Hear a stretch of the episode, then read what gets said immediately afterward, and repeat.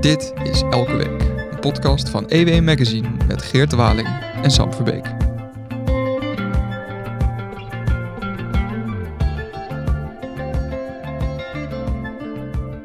Hey, Sam Verbeek.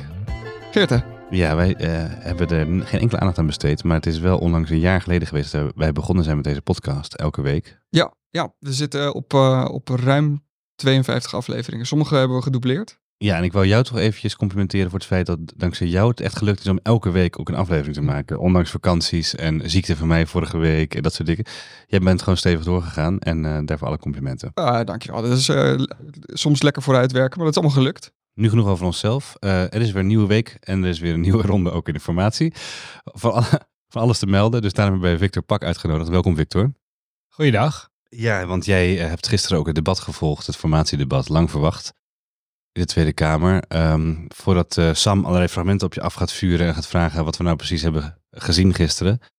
Wat was jouw indruk? Eh, hoe, heb jij, hoe heb jij zitten kijken? Ja, wat we hebben gezien, dat, dat vraag ik me nog steeds af, omdat dat, het gaat erom van waar zijn we aanbeland in de formatie op dit moment. En ehm, de meningen verschillen daar nogal over. Maar goed, vorige week liep Pieter Omtzigt weg bij, eh, bij Plasterk, bij de formateur Ronald Plasterk. Ehm, dat was het einde eigenlijk van, van de formatie zoals die was bedacht. Namelijk dat de, dat de drie grote winnaars plus de VVD zouden aanschuiven om te kijken of er gewoon een, ja, of er overeenstemming was op een vijftal onderwerpen, stikstof, migratie, et cetera. Ehm, en de grondwet, niet de, niet rechtsstaat, vergeten, de ja. rechtsstaat Oh ja, die. eigenlijk. Ja. Ja, dat, zo begon het allemaal. Nou, dat klapte. Toen kwam er het rapport van Plasterk begin deze week. Dat zou sowieso deze week komen. Ja, dat hè? de, zou informa- sowieso de informateur komen. had de opdracht om maandag, geloof ik, Ja. zijn eh, rapport op te sturen. Dat Ja. was de deadline. Nou, dat kwam ook. en wat was de aanbeveling? Ga toch maar door met z'n met vieren Hè? praten. nou, dat is dus de verwarring waarin dat debat afgelopen eh, woensdag eh, op Valentijnsdag begon. Nou, een stukje liefde konden ze wel gebruiken in Den Haag. Ja. Maar dat was niet per se te zien in het debat. En, eh, eh, want ik vraag me dan af, Victor, eh, formatie hebben we toch al veel vaker in het land gehad. We doen al 200 jaar ongeveer, formeren. Wat is nou, de, wat is nou het probleem? Ja, het probleem is dat er een verkiezingsuitslag ligt die ehm, eigenlijk, ja, waarvan een, waarbij een kabinet vormen gewoon heel complex is. Omdat het, het zou zo simpel zijn en sommige partijen vinden dat ook. Bijvoorbeeld Joost Eertmans van Ja21, die zegt heel de tijd... Nederland heeft een rechtse meerderheid gekozen. Het is tijd voor een rechtskabinet. Doe toch niet zo moeilijk met elkaar. Dat is even eh, Ja. kort gezegd, geparafraseerd zijn woorden. Alleen het blijkt dat dat toch iets complexer ligt dan we zouden denken. En als je bijvoorbeeld toch even de PVV en de BBB eh, pakt bij elkaar en naar hun financiële plannen kijkt en die afzet tegenover NSC en de VVD, Ja. nou, dan zijn daar gewoon heel grote verschillen te zien. Daar heb ik zelf een keer een stuk over geschreven. En dat is ook waarop het uiteindelijk, volgens Pieter Omtzigt, is geklapt. Op de financiën die niet op orde zijn. Er ligt al een, begrotings, eh, een, een bezuinigingsopgave van 17 miljard. Maar tijdens de afgelopen formatieronde, voordat Omtzigt wegliep, is er ook gevraagd naar extra potentiële tegenvallers. Ja. Nou, en die lopen nog eens, dat loopt op tot meer dan die 17 miljard. Die, die heeft Plasterk opgevraagd bij Ja. de verschillende minister- ministeries. Hè? En dat zijn lijstjes geworden die eigenlijk aan, helemaal aan het eind van het overleg op tafel kwamen. Waarbij Omtzigt zei, ja, dit, is, dit, is, dit duurt, heeft te lang geduurd. Dit heeft een week geleden. Dit, dit was ook onderwerp van, van het debat gisteren. Kreeg, zich werd hierover nog Ja. aangevallen door, door Rob Jetten. Misschien kunnen we heel even naar luisteren. Voorzitter, ik kan nog even doorgaan. De achterstanden bij de sociaal-medische beoordeling van het UWV, een half miljard. LNV, een hele lange lijst. Die stukken die hadden gewoon onverweld naar ons gestuurd moeten worden. Als een partij zegt, wij willen bijvoorbeeld het eigen risico afschaffen. Dat zijn substantiële bedragen in relatie tot realistische wensen die politieke partijen geuit hadden. En die brieven die hadden dus gewoon bij ons bekend moeten zijn. De Jette. Ja, voorzitter, ik sta hier eigenlijk voor een andere interruptie. Maar daar ga ik zo meteen op komen. Want ik vind dit echt kwalijk wat er nu gebeurt. Het is niet zo dat de formatietafel is geïnformeerd over tegenvallers. U heeft gevraagd wat zijn mogelijke tegenvallers en mogelijke risico's. Dus ik wil wel heel duidelijk maken voor elke kijker thuis dat u niet kunt gaan optellen wat de heer Omtzigt nu net heeft opgelezen. Dat is niet de staat van de overheidsfinanciën. Wat overigens wel, wel goed is om hierbij te zeggen, is dat nadat Jette deze aanval had Ah. gedaan, begon de gehele Tweede Kamer, behalve de NSC, maar dus wel inclusief de VVD en de PVV, echt te roffelen op de tafeltjes. Oké, ja. Ja. eh, Waarom, waarom is hij nou zo boos, Jet? Want hij zit niet eens aan tafel daar. Dus eh, is hij zo beledigd Hij- vanwege financiën? Hij is natuurlijk ook minister nog in het demissionaire kabinet. Dus Ja. Hij heeft die aanvraag gekregen. hij heeft de aanvraag zelf. Hij heeft de aanvraag zelf gekregen. Dus hij weet er wel wat van. Het punt is dat ze allebei hier een halve waarheid verkondigen. En die telt bij elkaar wel ongeveer op tot de hele waarheid. Het is zo dat er een hele lange lijst aan tegenvallers is. Waarvan Omtzigt kan zeggen dat heeft dus invloed op de rest van onze plannen. Want nou ja, je, je bedenkt aan zo'n formatietafel allerlei plannen voor het land. Hè. Kunnen we iets bedenken voor hoe we de zorg willen inrichten? Hij noemde dat eigen risico wat de PVV wil afschaffen. Nou, dat kost gewoon 5 miljard euro. Dat is serieuze knaken, zou ik zeggen. Ehm, Ja. Daarnaast heb je dan ja, Jette die zegt, ja, goh, u verwijst dan wel door naar eh, die plannen die u maakt en dat er dan allerlei tegenvallers aankomen. Maar dat zijn geen feiten nog, die tegenvallers. Het zijn mogelijke tegenvallers. We kunnen er, het kan zijn dat ze, dat ze er zijn. Dat Ja, een soort doemscenario dat Ja. alle tegenvallers worden meegerekend. Ja. Je wordt gevraagd, en zo gaat het nou eenmaal, dat is gewoon Haagse praktijk. Vraag je bij een ministerie, wat gaat er fout? Dan krijg je een boodschappenlijst, nou, van hier tot aan Tokio. Vraag je, wat gaat er goed? Zijn er nog meevallers? Dan krijg je een heel klein boodschappenlijstje waar misschien één, één half boodschapje op staat. Dat, dat is hoe het werkt bij die De ministeries. interne ze- lobby van de ze ministeries. willen altijd meer geld. Dat Ja. is gewoon zo. Dus Jet heeft al een punt van, joh, je zet ons nu te kijken alsof de, hele begrotingsbeleid eh, belachelijk is.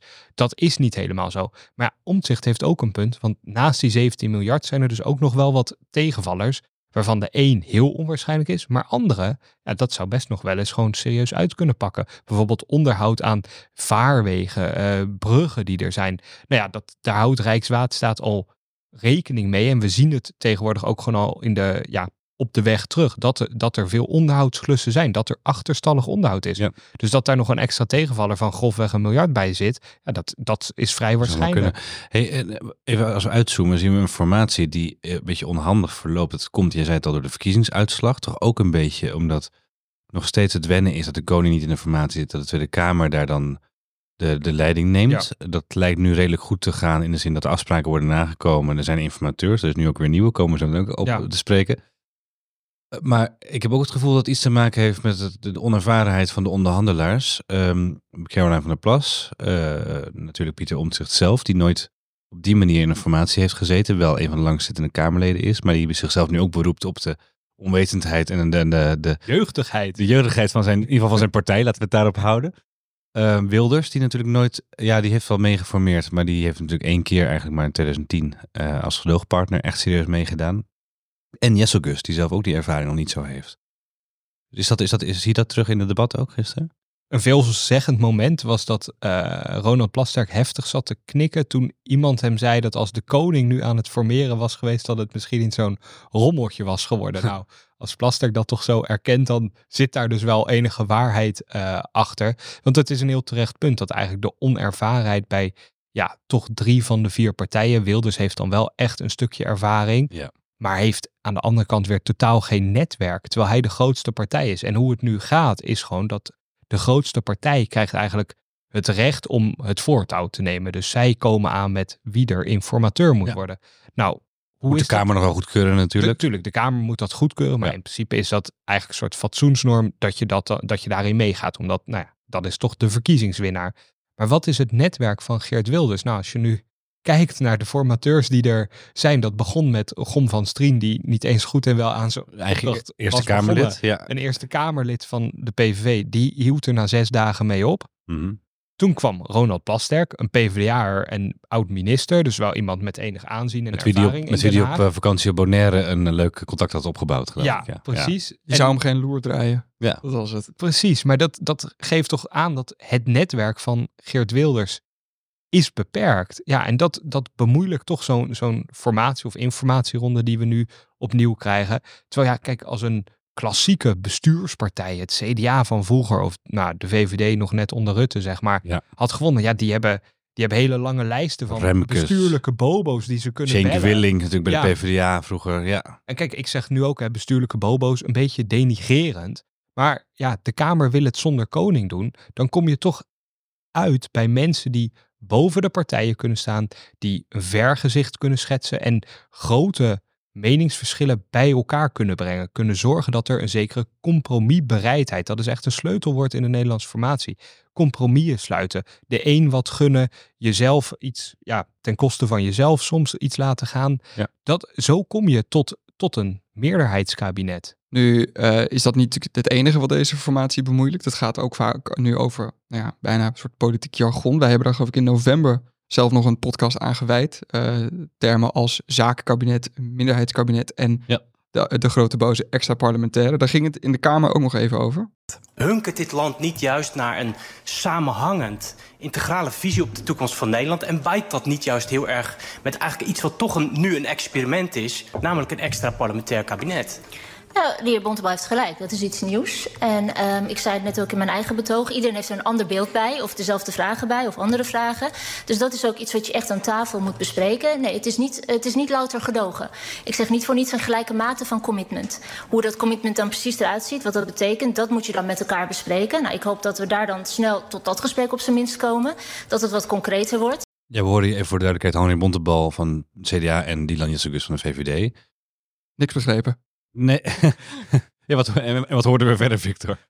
Ja, Wordt gegoocheld hier met termen allemaal. Ja, die hunkering van Bontebal vind ik toch enigszins opmerkelijk. Hij pleit dus voor dat, dat traditionele meerderheidskabinet wat we in Nederland nou ja, sinds jaar en dag kennen met Ja. die uitzondering van, die, van de gedoogconstructie die er van 2010 tot 2012 was met de PVV. Rutte één, Waarbij ja. er een minderheidskabinet was van VVD, CDA, Rutte 1 met een gedoogakkoord met Geert Wilders, PVV.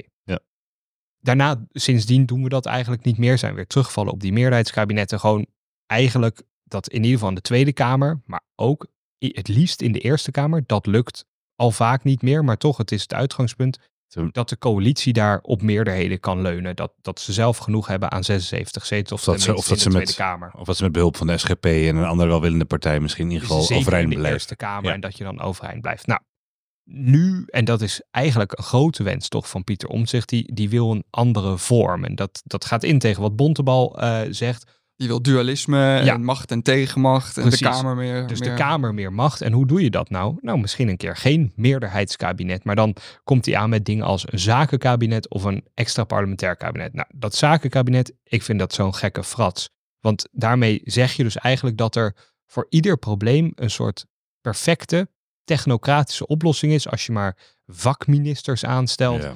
die het land gaan leiden. Het haalt een Maar- beetje de politiek uit de politiek. Ja, nou, ehm, Mooi gezegd. suc- succes ermee zou ik zeggen. Maar dat gaat ook, ook Want meteen mis natuurlijk. In een land Ja. als Nederland, ho- hoe richten we de zorg in? Hoeveel geven we aan de zorg? Wat doet dat met bijvoorbeeld defensie, met onderwijs, ehm, migratie? Dat zijn politieke keuzes. Hoeveel migranten willen we hebben? Willen we meer, eh, meer of minder asielzoekers in Ter Apel? Dat zijn vol, in mijn optiek inherent politieke keuzes, waar niet een of andere vakminister het juiste in kan Nou, doen. en bovendien moet de minister eh, het beleid natuurlijk ook wetgeving en eh, de plannen ook in de tweede- door de Tweede Kamer loodsen en door de Eerste Kamer. Dus je moet een politiek gevoel hebben. En de, Ja, daar zou Dus- je wel van uitgaan. dus laten we dat zakenkabinet even terzijde schuiven. Dat hebben we ook al niet in het debat niet echt gehoord, geloof ik. Nou, het Eh, staat heel vaak nog steeds in de brief van Pieter Omtzigt. Dus vandaar dat ik het toch Ja, even wilde Maar bedoelt hij niet, bedoelt hij niet dat wat waar je nu op wou komen, het extra parlementaire, dat je een kabinet hebt met wat vakministers Ja, en vooral politieke, eh, politiek gevoelige be- bestuurders, eh, ervaren bestuurders, die niet per se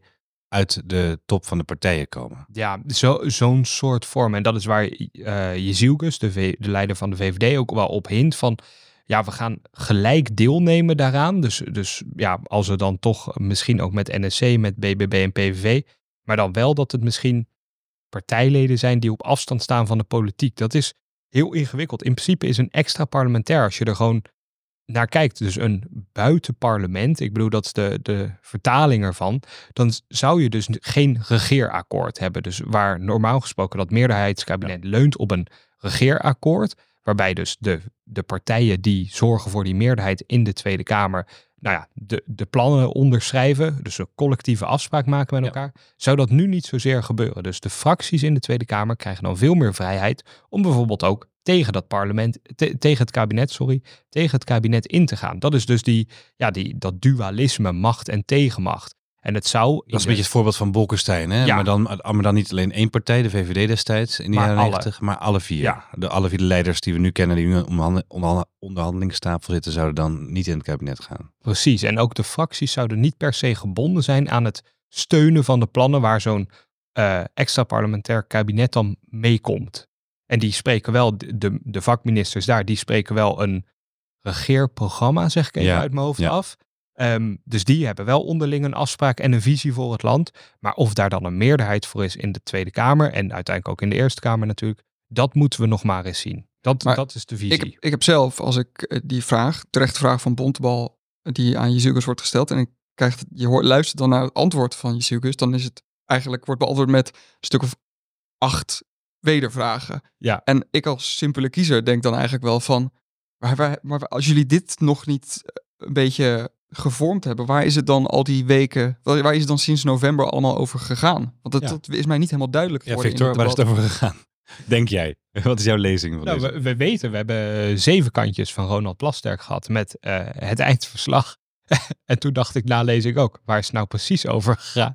Nee, kijk, dat Het eerste, komt- eerste gesprek was de grondwet. Eerst wa- was de rechtsstaat en de grondwet. Ja. Daar was een akkoord over, een lijn over bedacht van zes punten, die op 9 januari dit jaar was afgerond in die gespreksfase.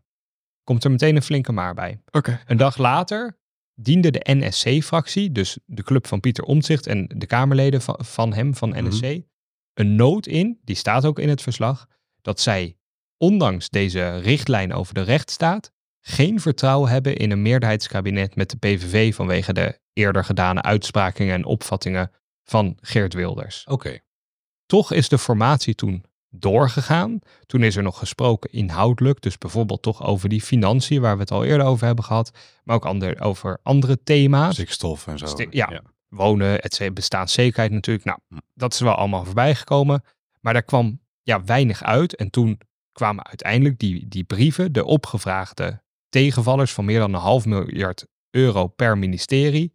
Nou, die, die heeft eh, Pieter Omtzigt in het laatste weekend, nee, het eerste weekend van februari kunnen lezen. En daarna stapte hij uit de formatie. Dat is wat er gebeurd is. Denk je dat hij, even in interpretatie, denk je dat hij die brieven nu gebruikt heeft als een stok om de hond mee te slaan? Of als, als, als, een, als een wig Kijk, om weg te komen ja, uit die formatie? Er wordt veel gezegd nu van hè, die, die brieven, dat ligt genuanceerder. Dat is zo. Het is een halve waarheid van omzicht. Dat zijn we misschien niet Mhm. van, van hem gewend. Maar het is toch een wat geheider politicus dan we soms eh, denken. Het is niet een of andere heilige. Ehm, en dat heeft hij gewoon gebruikt inderdaad om weg te komen. En hij zei toen bij Humberto, daar zat hij toen hij had gebroken met de formatie. Dat was een nogal warrig gesprek. Maar waar ik heel de tijd maar op wijs is dat hij uiteindelijk toegaf dat het een druppel was geweest, die brieven. Juist. En dat het late verstrekking da- daarvan, maar ook dus de inhoud, die slechte staat van de financiën in zijn ogen. Dat was voor hem een druppel. Er speelden ook andere dingen mee. We hebben allemaal gezien op sociale media dat de sfeer aan de formatietafel toch niet bepaald best was.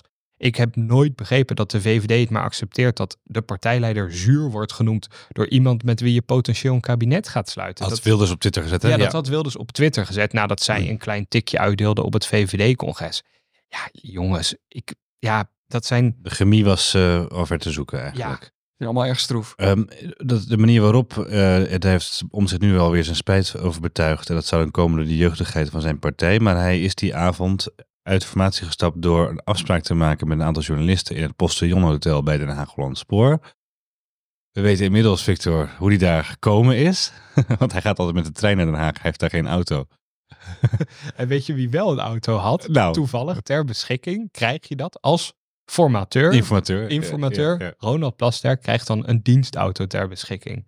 Pieter Omzicht vroeg aan de informateur: mag ik die even lenen? ja. ik, moet, ik moet heel snel naar een hotel toe.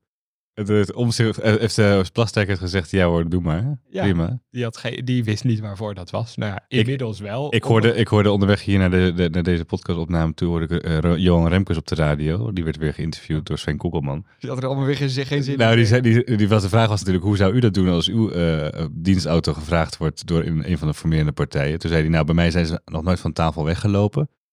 Ten eerste. Maar ten tweede zou ik zeggen, je regelt je eigen vervoer. je gaat maar lopen. Ja.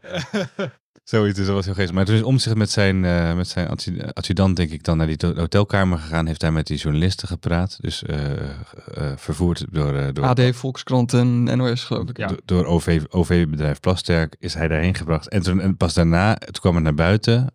die reconstructies hebben we ook overal gezien. toen kwam het eigenlijk al sneller naar buiten dan hij had verwacht.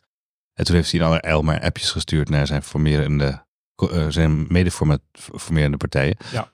En die kregen eigenlijk tegelijkertijd een pushbericht van uh, de NOS of van nieuwswebsites. Uh, dat, dat, het klaar was. Dat het ja. klaar was. Dus ze, ze lazen het eigenlijk. Ze moesten het uit de media vernemen. En dat was natuurlijk voor, voor iemand als omzicht heel pijnlijk. Want hij heeft altijd geklaagd dat hij als Tweede Kamerlid uit de media moest vernemen waar, waar het kabinet mee bezig was. Ja, precies. Nou, hij heeft dat nu niet chic genoemd. En nu gaan we dus verder. Um, Plasterk krijgt toch dus een tik na van, uh, van Johan Remkes in die zin. En van, en van Plasterk, die en, toch even en, vertelde ja. dat die auto gebruikt was. Ja. ja. nee, klopt. En nu, nou ja, Plasterk is klaar met zijn, met zijn werk. Ja. Um, nu gaan we weer opnieuw uh, beginnen als het ware. En daarbij staat dus die, die vorm centraal, als je het zo mag horen. Een korte informatieronde is ons beloofd. Geert Wilde sprak over... Mag, mag je nog even onderbreken? Want het, er wordt heel vaak over, over formatie wordt er gezegd van... formeren is faseren. En we hebben nu een hele tijd gehad en er wordt nu geschreven, we lezen, tenminste dat lees ik, zo van de formatie gaat een nieuwe fase in. Wat, welke fase hebben we precies gehad net? Ja, dit, dit, zijn, dit zijn, het, het zijn van die gezegdes die kloppen, Aha. maar die je vooral achteraf Ja. eens goed kan uitleggen. Ja, ja, Zeg maar, als je er middenin zit, ik probeer nu ook wel eens te zeggen tegen mensen van ja, hoe gaat dat nou? Want ze hebben dan nu gesproken, is er dan niks bereikt? Dat is wat, bijvoorbeeld wat, Mhm. wat Frans Timmermans, leider van GroenLinks PvdA, continu nu heeft gezegd. Er is 83 dagen gesproken en niks bereikt. Nou ja, nou, als je dat is even helemaal niks in geschiedenis van formaties. ja, als je even ook gewoon kijkt hoeveel dagen hebben ze nou echt om tafel gezeten, dan kom je uit, weet ik veel, op 20 of 30 dagen. Het valt wel mee, hè. Die mensen hebben ook weekend en gelukkig maar, want eh, ze maken echt best wel lange dagen aan die, aan die formatietafel. Waar hebben we naar zitten kijken is toch dat je, dat je inderdaad een fase hebt gehad waarin het zeker niet boterde, waarbij er een hoop mis is gegaan.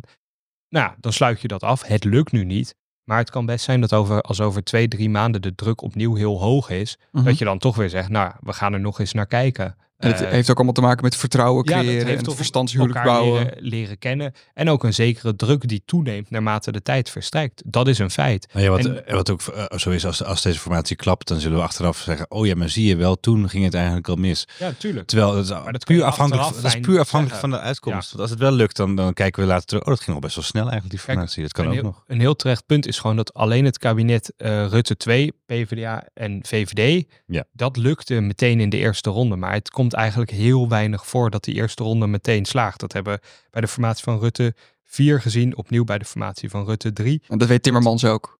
Tuurlijk weet hij dat. Ja. Maar goed, je wil natuurlijk hè, lekker pesten, want Timmermans staat toch aan de zijlijn en weet ook wel dat hij De laatste is... eh, kans is. Ja, de aller, allerlaatste. Ja. Vlak voor we opnieuw naar de stembus gaan, denk ik. Ja. eh, als ze er definitief niet uitkomen. Maar dat weten we nu niet. En in die zin is die tussenronde die we nu krijgen, zo, zo wordt het genoemd. En ja, dat is eigenlijk niet terecht, want iedere ronde is een tussenronde tot je bij het eindstation Kijk. bent. Ehm, komt erop neer dat Kim Putters, de voorzitter van de SER, Ja. die gaat ehm, met de partijen, met alle partijen, dus iedereen komt weer langs, spreken over ja, wat nu wenselijk is en vooral in welke vorm dat zou moeten zijn.